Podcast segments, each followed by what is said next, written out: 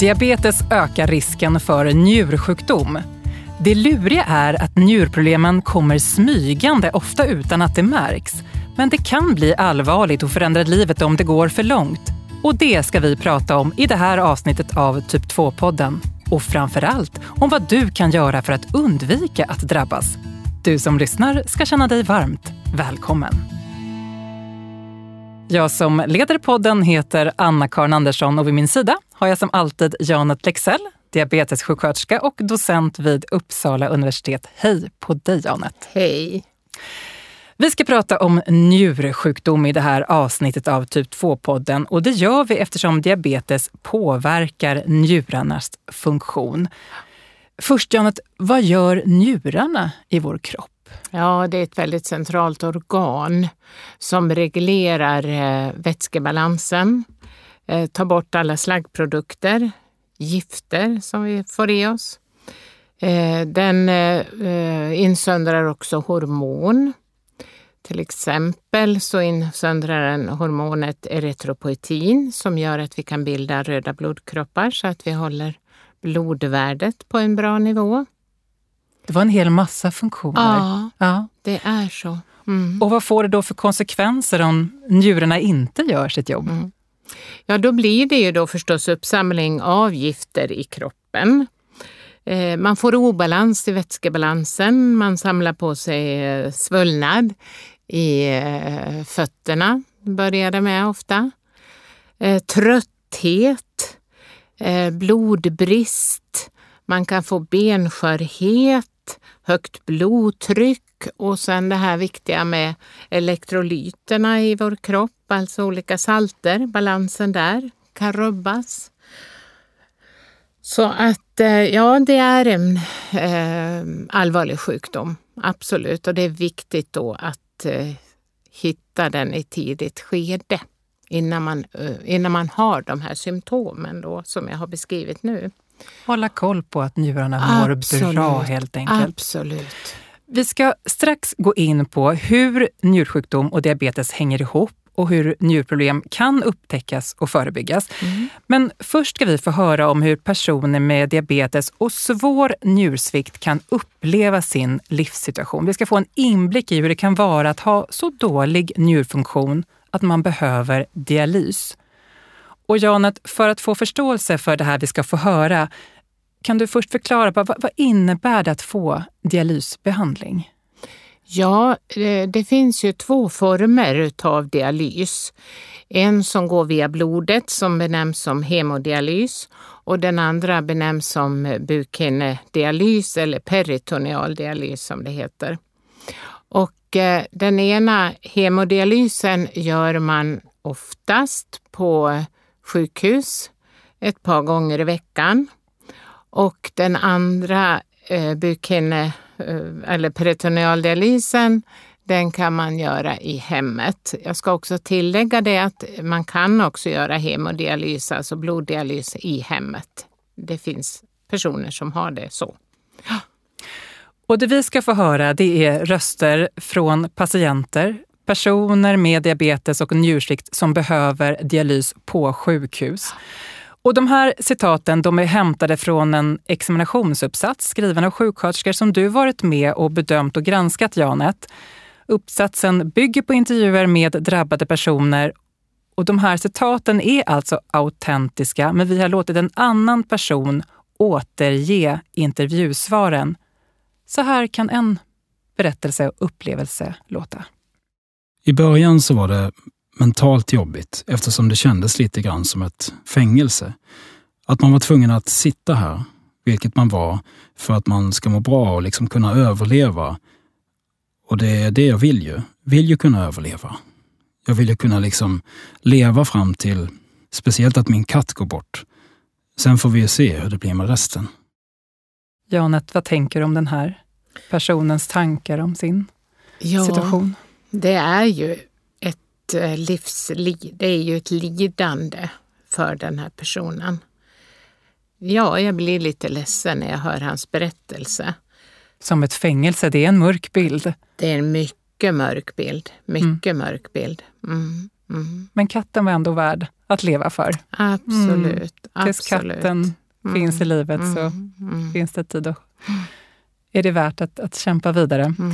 Mm. Ja, det är tidsödande att få dialysbehandling. Eh, hur mycket tid kan det ta, Janet? Ja, alltså en hemodialys då som jag pratade om tidigare, det är ungefär tre dagar i veckan man åker till sjukhus och tiden man tillbringar där kan variera från tre till fem timmar. Så ser det ut. Mm. Det är mycket tid. Eh, De flesta eh, deltagarna i den här intervjustudien beskrev att de blev väldigt trötta under de här dialysdagarna, att de inte längre hade ork till aktiviteter och intressen som de hade haft innan. Och så kravet på att vara närvarande då alla de här timmarna och, och dagarna och följa det här dialysschemat. Det begränsar såklart spontaniteten och att leva ett fritt eh, socialt liv. Så här berättar en patient. Man är ju uppbunden med dialys hela tiden. Det är väldigt svårt att göra så mycket annat. Det drabbar ju min fru då framför allt. Så det är svårt för henne att göra så mycket. I och med att jag är beroende av henne.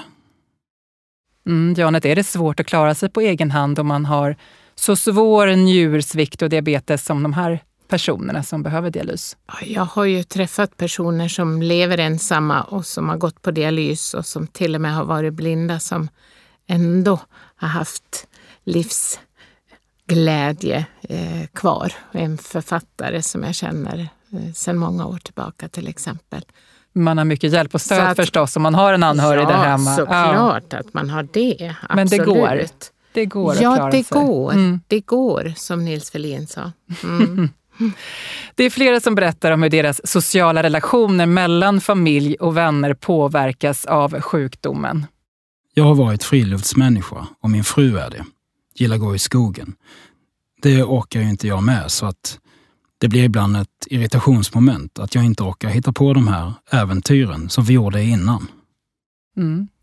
Det är inte bara patienten själv som drabbas, även de runt omkring.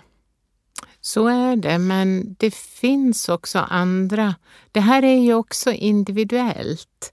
Jag känner till flera personer som kanske inte upplever den här tröttheten, utan tvärtom kan känna sig ganska pigg när de går ifrån dialys. Mm. Det Och vi ska faktiskt eh, få höra exempel på det också. Två citat som vittnar om lite välbefinnande mitt i eländet. De har tvillingar på nio år. Visst är det de som gör, ger mig nu kraft att leva. För dem, det spelar ingen roll om jag ligger eller går. De accepterar mig som jag är. Var mycket tårar när det här med dialysen kom. Då tyckte jag livet var slut. Underbar personal här. Människor att prata med, det är jätteviktigt. Så jag trampar på i samma banor idag. Lite långsammare. Ja, Janet, det var lite som du sa, det är olika beroende på hur man tar sin situation Ja. och hur man hanterar den. Det vi har hört uttryckas här är upplevelser som svårt sjuka delat med sig av. Och det är fint att det går att känna tacksamhet ändå trots den här situationen. Och det ska sägas att många med diabetes och njursjukdom mår och klarar sig bättre än de som utvecklat njursvikt och behöver den här omfattande dialysbehandlingen. Inte sant, Janet? Absolut, så är det. Så är det definitivt. Och det går att också undvika de här farliga följderna. Ja, det är ju det som är det positiva.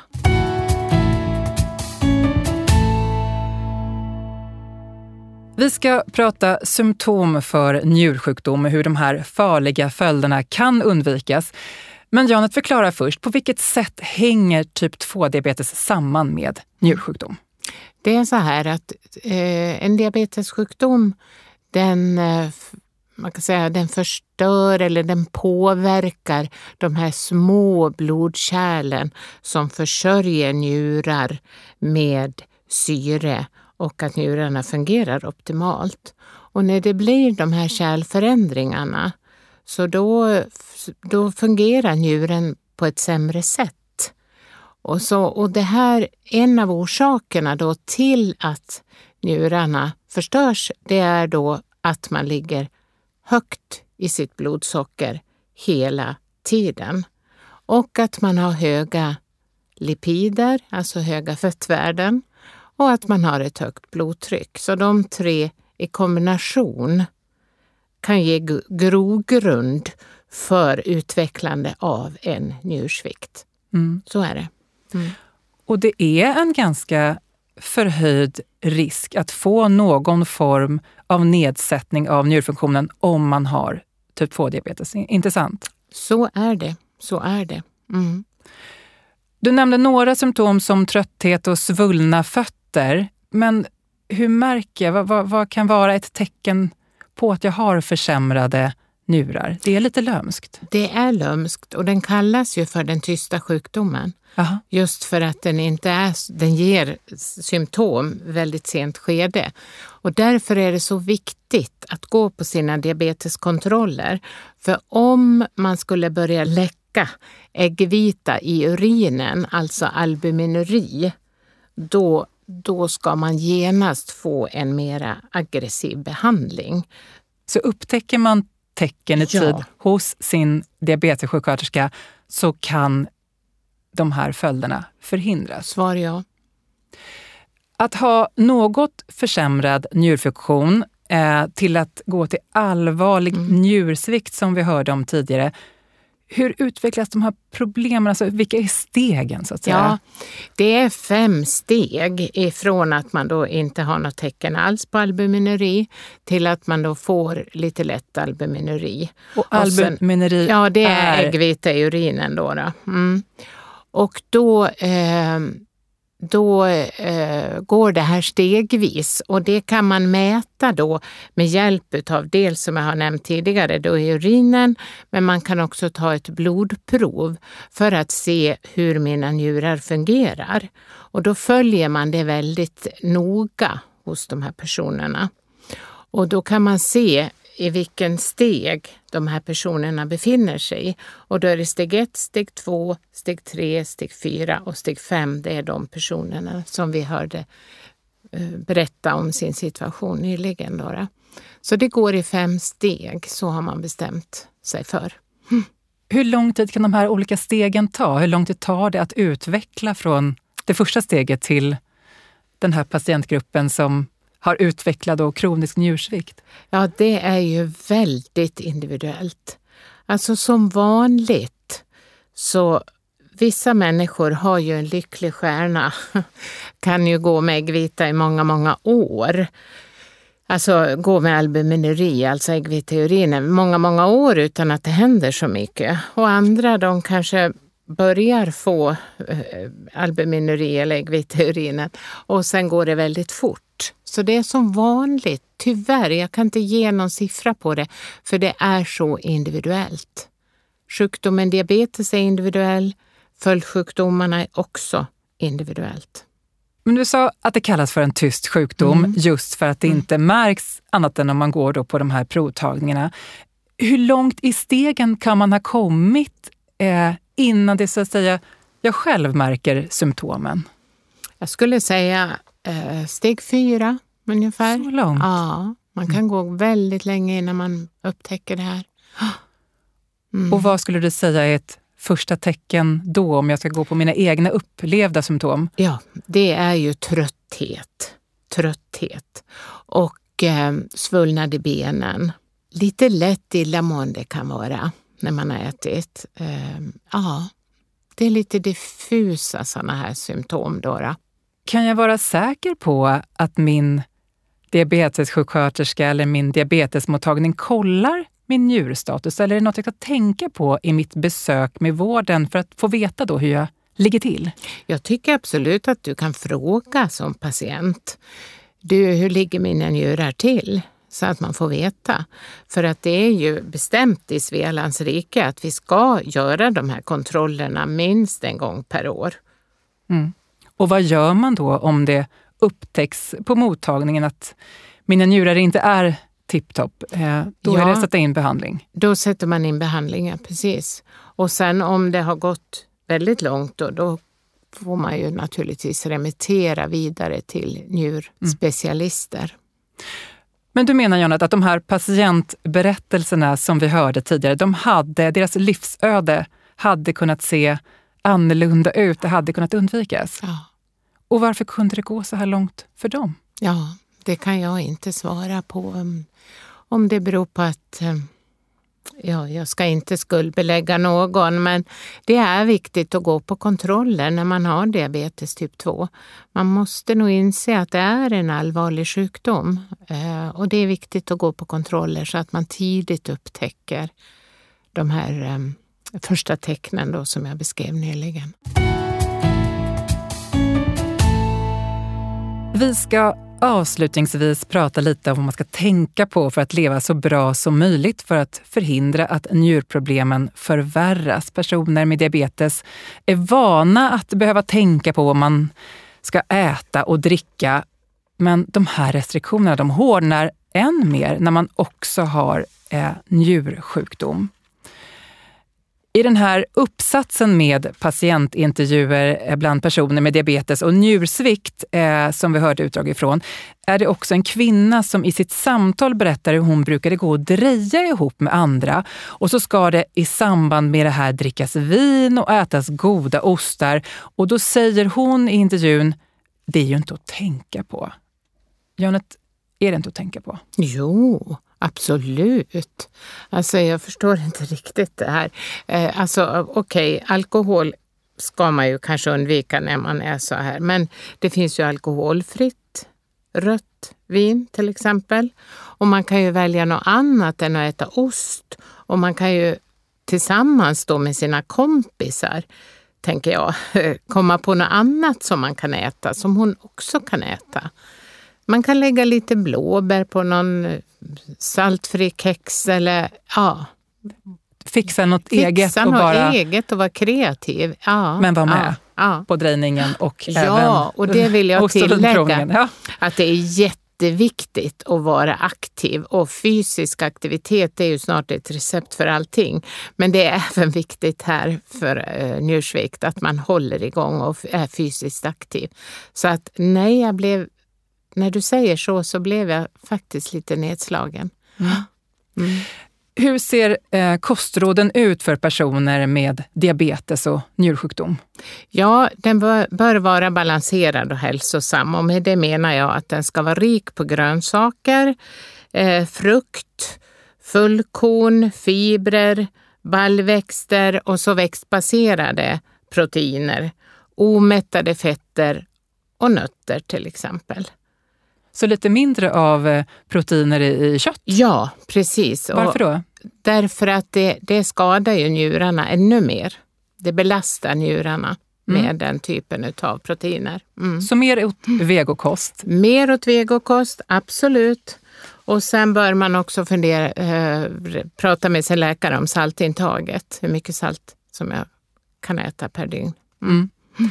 Och blir det en utvecklad njursjukdom, Mm. eh, då hamnar man som patient också lite i gränslandet här mellan om det är diabetessjuksköterskan Mm. eller om det är experterna på, på njursidan som ska ge mig råd. Ja. Hur, hur, hur, hur vägleder man här? Alltså det är så här att, som vi hörde här då i början med intervjuerna, de eh, personerna sköts ju helt utav njurexperter. Så att då lämnar de så att säga diabetes Vården och vården. den eh, kontakten med... Jajamensan, så är det. Mm, Mm. För det är väldigt komplext när, man, när inte njurarna fungerar. Det är mycket som påverkas och påverkas blodsocker både uppåt och neråt. Så att det är viktigt att det är experter och även träffa en dietist, tänker jag, på njur som är expert på just njursjukdom och kan individualisera kosten. Men det kan jag få hjälp av från diabetesmottagningen. De säger till när det är dags att eh, introducera någon ny typ av eh, profession för mig om jag behöver en Ja, kontakt ja, ja, med ja, Jag behöver inte absolut. själv Nej, fundera och ta. nej, nej, nej, nej, absolut inte. Nej. Men du hade till och med ett litet recept här. Mm. Eh, det var ju väldigt fiffigt. Eh, det vill vi bjuda på såklart. Här har Ja, Janet ändå trevligt. Eh, letat i sina receptsamlingar. Och vem, vem tänker du det här receptet för nu då? Vem, vem passar det här? Ja, alltså den passar egentligen för, för många, men eh, också om man har en grav eh, njursjukdom. Så, Så jag har typ jag, 2-diabetes och jag har en njursjukdom. Ja, Då har du här ett tips. Ja, Så det nu kommer det jag. ett mattips från Ja, det Janet. gör det. Ja, vad härligt. Mm, vad ska vi börja med? ja. Då börjar vi med en eh, grönsakssallad. Mhm. Då kan vi blanda tärnad gurka, vi kan ta paprika, vi kan ta salladsblad, blomkål, blåbär, Jaha, i salladen. Mm. Absolut, det går alldeles utmärkt. Och sen kan man ha en lätt vinägrett då, som är gjord av olivolja och örter till exempel och lite. Sen kan man steka en laxfilé eller en kyckling. Och så bör man då tänka på att inte ha sån klibbig stekpanna utan steka i lite olivolja. Och så kan man ju krydda med lite örter då efter tycke och smak. Som dill och citronpeppar till exempel. Sen kan man ju ha bulgur till det. Och så ska man steka lite sparris. Till exempel färska sparrisstänger i en liten mängd olivolja. Och sen ett glas vatten eller en osötad dryck som komplement. Mm. Är det, här, det är ett recept som du själv gillar att tillaga. Ja. Men det var ändå lite eh, protein från, från kött här i receptet, lax eller kyckling. Ja, det Ja. är det. Det är det, men det är ju bra proteiner så att Så säga. det är okej? Eller det, ja, det, ja, mm, det är det röda okej. köttet som jag ska Det försöka... är det röda köttet, precis. Det var bra att du sa det. Ja, det är det röda köttet. som ska Absolut, dra det ska och bort. under. Mm. Och det spelar ingen roll om du, så att säga, ibland kan man ju tänka, ja men jag steker köttet lite längre. Men det är inte det, utan det är köttet, det röda köttet i sig, oavsett hur länge du har stekt det. Eh, Du var inne på fysisk aktivitet Mm. som ett komplement till eh, lite vägledning här kring mat och dryck. Något annat du tänker på som är ett gott råd för dig som har diabetes och nedsatt njurfunktion? Ja, jag tänker att det är viktigt, eh, om jag nu får lämna ett tips till alla personer som eventuellt lyssnar på det här som har njurproblem, att man när man kommer till vårdteammötena, att man själv också funderar och eh, ställer, man kanske skriver ner på en lapp vilka frågor, funderingar, reflektioner som man har. Och kanske ibland att man behöver någon psykolog som hjälper en upp, eh, lite uppåt i, sin stämning eh, på det sättet så att man orkar leva med den här följdsjukdomen till diabetes på ett bra sätt, tänker jag. Så att förbereda vårdmötet, skriva ner alla frågor och inte vara rädd för Nej. att få det stöd som man behöver. Exakt, exakt. Och känner man sig blyg och så, då kan man ju skicka in det här innan och det finns ju även sjuksköterskor på njur på, njur, på njuravdelningen eller på njurmottagningen som man träffar kontinuerligt. Så då kan man ju skicka det till den, henne eller honom då. Så kan vederbörande lyfta fram patientens perspektiv i vårdteammötet. Ja, jag tycker det är jätteviktigt. Det kan eh, kännas tungt att höra Mm. att det är en sån här påtaglig risk för njurarna att de ska bli försämrade som en följd av typ 2-diabetes. Janet, vad ska man ta till sig av, av det här avsnittet tycker du? Ja, jag tycker att man ska ta till sig att det går att leva ett bra liv ändå, även om man har en svår njursjukdom. För man, går, man får ju hjälp genom dialysen. Eller att man väljer då att göra det hemma. Det, och kanske också träffa andra människor i samma situation som kanske har hittat en bra väg att leva med det här. Jag menar, jag känner folk som är ute och reser med sin, med sin peritonealdialys. Så att det finns ju eh, tips och, och tricks att leva med den här sjukdomen. Eh, jag tänker också att eh, det är ju viktigt att känna lite livsglädje i det här eh, ja, situationen skulle jag säga som man är i. Och sen tänker jag också att våga prata om det, att sätta ord på sitt lidande som man uppger att man har. Och kanske också ge tips till andra personer. Att man kan tänka att jag kan vara en hjälp till andra personer som lever med typ 2-diabetes. Att jag kan säga till dem att tänk på att gå på de här kontrollerna.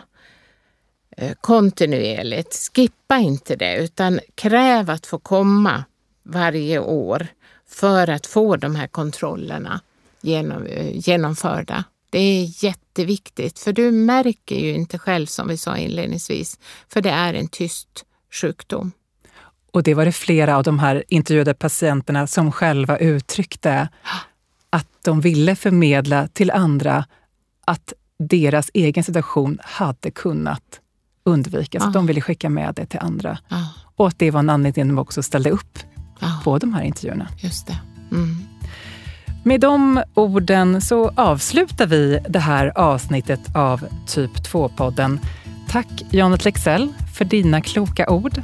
Återstår bara att säga att Typ 2-podden är en produktion från det forskande läkemedelsföretaget Böringer Ingelheim. Tack för nu och på återhörande.